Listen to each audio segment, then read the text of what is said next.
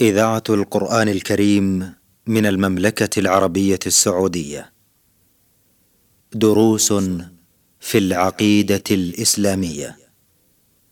برنامج من إعداد فضيلة الدكتور صالح بن عبد الرحمن الأطرم. تقديم فهد بن عبد العزيز السنيدي. تنفيذ خالد بن محمد الزيد.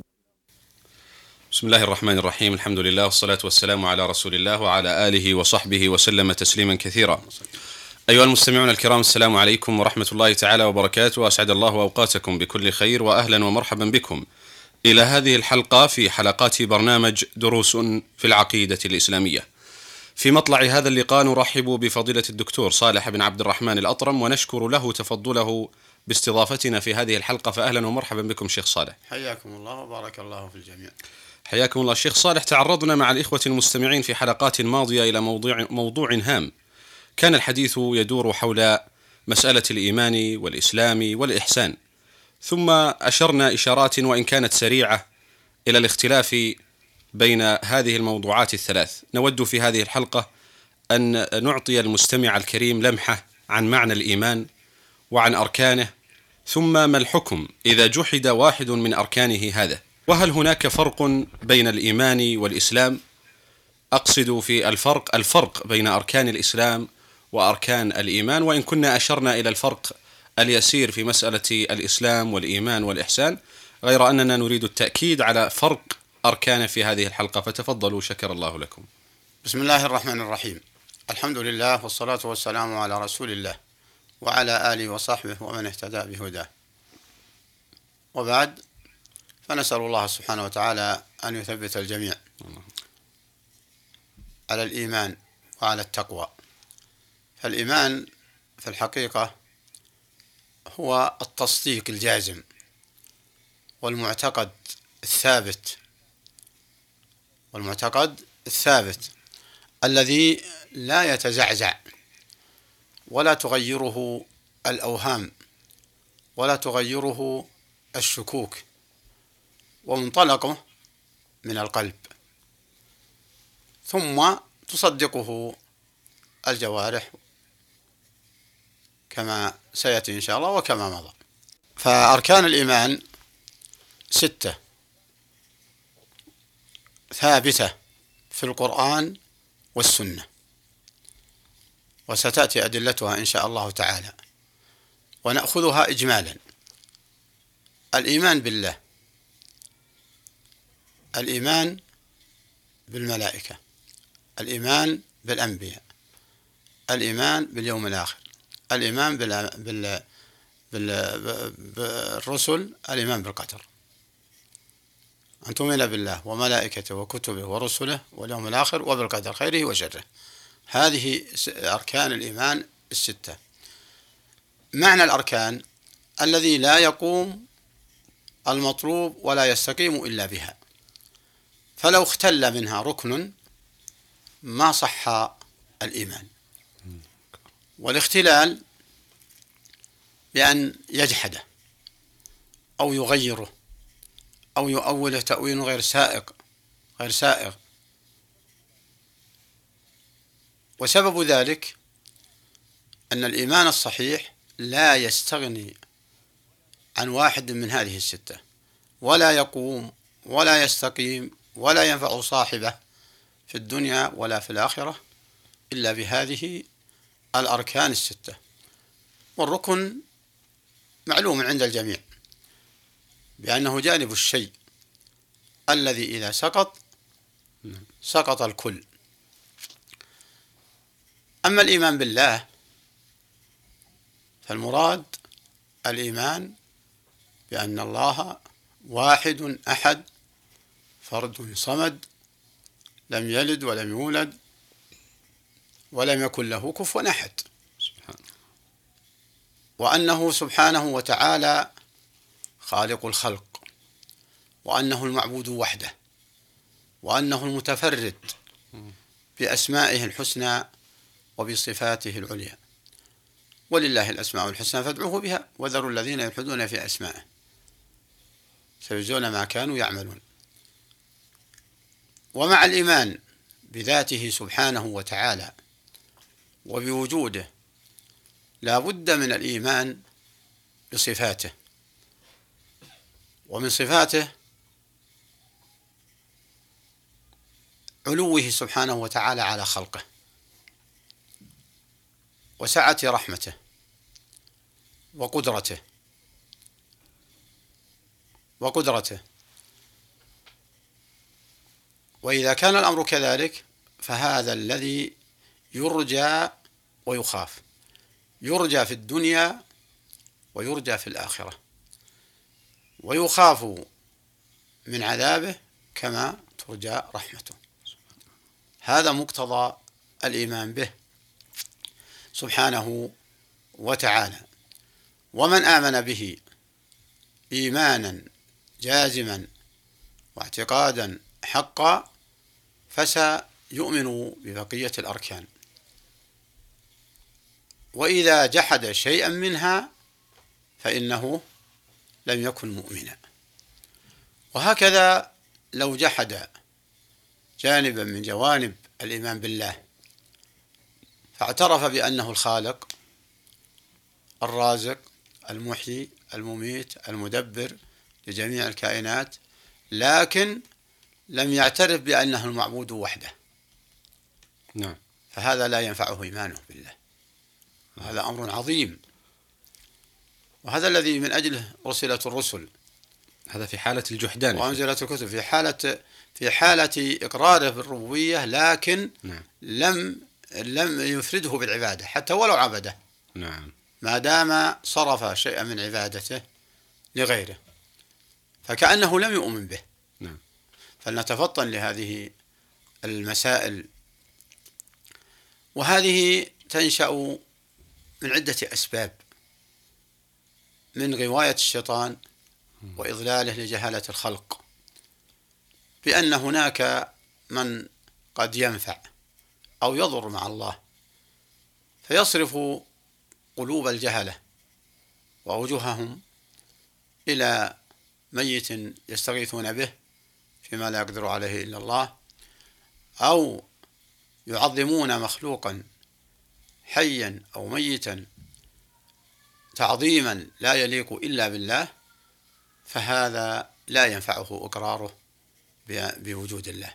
بمعنى لا ينفعه إقراره بأنه الخالق بأنه هو الذي أوجد الكائنات. الإيمان بصفاته وبأسمائه الحسنى هذا أمر لا بد أن يوجد عند من آمن بالله. فإن جحد شيئا من أسمائه الحسنى وصفاته العليا الثابتة في الكتاب والسنة فما جاء به من بقية الإيمان به سبحانه وتعالى لم ينفعه. لم ينفعه.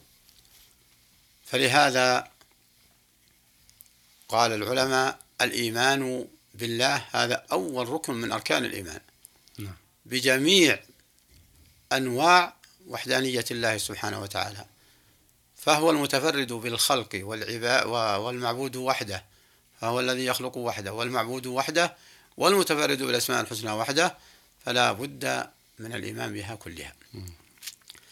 الإيمان بالله ثانيا ملائكته.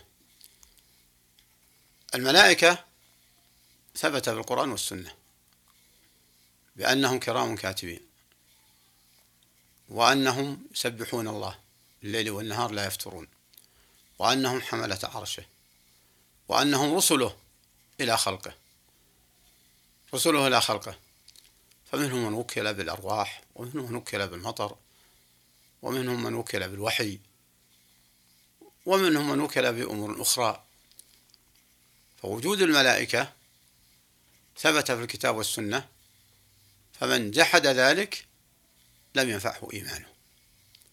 فهو ركن عظيم.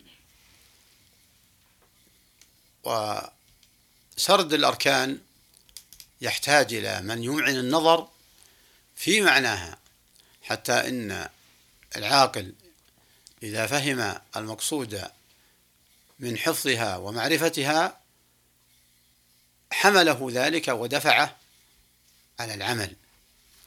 ودفعه على العمل. ولأن هناك طوائف من الخلق ضلت السبيل. فلربما جحدوا الملائكة. كما جحدوا بعض صفات الله سبحانه وتعالى الثابتة. نعم. الثابتة. بل هناك من جحدوا أصل وجود الله. وهم الدهريون. الذين يقولون ما يهلكنا إلا الدهر. يحييهم الدهر يموت الدهر. طبيعي. نعم. يقولون بالطبيعة فلا بد أن من الإيمان الراسخ بالملائكة. أن تؤمن بالله وملائكته وكتبه. عفوا يا شيخ. نعم. أيضا عندما تحدثتم عن الإيمان بالله تبارك وتعالى قلتم أن الخلل في جزئية واحدة من جزئيات الإيمان بالله يعتبر خللا كاملا في الإيمان. نعم. أيضا أظن أن هذا الأمر ينطبق على الخلل في الإيمان في الملائكة. نعم. لو آمن بوجود الملائكة كلهم نعم. ولكنه أنكر ملك الجبال أو ملك يعني بما ثبت به النص لنقل ملك الموكل بنزع الأرواح. نعم. فإنه يعتبر بهذا كافر نعم. بكل أركان الإيمان. عبارة جاحدة للإيمان. نعم. لأن أركان الإيمان الستة جزء لا يتجزأ. نعم. وجودها جزء لا يتجزأ. نسأل الله الثبات لنا وللسامعين اللهم. ولجميع المسلمين. فثالثا الكتب نعم. الله سبحانه وتعالى لما خلق الخلق ليعمروا الأرض بعبادته وطاعته أرسل إليهم رسل وأنزل على الرسل كتب. هذه الكتب ثبتت على لسان الأنبياء. والكتب السابقة ثبتت في القرآن الذي هو باق خالد مخلد إلى أن يأذن الله انقراض هذه الدنيا. له كلامه سبحانه وتعالى وهو القرآن. وخلود هذا القرآن لأنه نزل على آخر الأنبياء وهو محمد عليه الصلاة والسلام. والكتب السابقة نزلت على أنبيائها لقوم على أنبياء على على بعض الأنبياء لقومهم فقط. فلهذا إذا مات النبي وانقرض هذا القوم ذهبت معه كتبهم ونسخت. فمما تعرض هذا الك- الكتب السابقة تعرضت للتحريف تعرضت للتغيير تعرضت للتبديل تعذرت للحاد بها. إذا ربما السامع يقول ما معنى الإيمان بها؟ معنى الإيمان بنزولها. وأنها موجو وأنها نزلت على هؤلاء الأنبياء. وليس معنى الإيمان الكتب السابقة بأن تعمل بها. ولعلم الله سبحانه وتعالى بأنها لا تخلد لم يوجب العمل بها بعد بعد من نزلت عليهم. إلا القرآن. أما القرآن فهو الذي هيمن على الكتب السابقة. ونزل على آخر, على آخر الرسل فصار آخر كتاب. ولهذا كتب الله له البقاء والخلود إلى يوم القيامة. نسأل الله أن يجعلنا من أنصار هذا الكتاب حسا ومعنى وهو القرآن الكريم. ف فهذه الكتب المنزلة يجب الإيمان بها إجمالا وعلى التفصيل القرآن من حيث العمل ومن حيث الفضل من حيث الفضل ومن حيث الصلاحية لكل زمان ومكان لا تقوم الساعة لأنه نزل على آخر رسول من من, من الرسل الذي ختم الله به. الأنبياء. نعم. أحسنتم شيخ أيضا كأني بوقت البرنامج قد أزف فلعلنا نرجئ الحديث عن بقية أركان الإيمان إلى حلقة قادمة بإذن الله وأنتم والمستمعين الكرام على خير. أيها الإخوة المستمعون الكرام تقبلوا في ختام هذا اللقاء تحية زميلي مهندس الصوت يحيى عبد الله إبراهيم حتى نلقاكم بإذن الله تعالى في حلقة قادمة. نستودعكم الله والسلام عليكم ورحمة الله تعالى وبركاته. دروس في العقيدة الإسلامية. برنامج من إعداد فضيلة الدكتور صالح بن عبد الرحمن الأطرم تقديم فهد بن عبد العزيز السنيدي تنفيذ خالد بن محمد الزيد.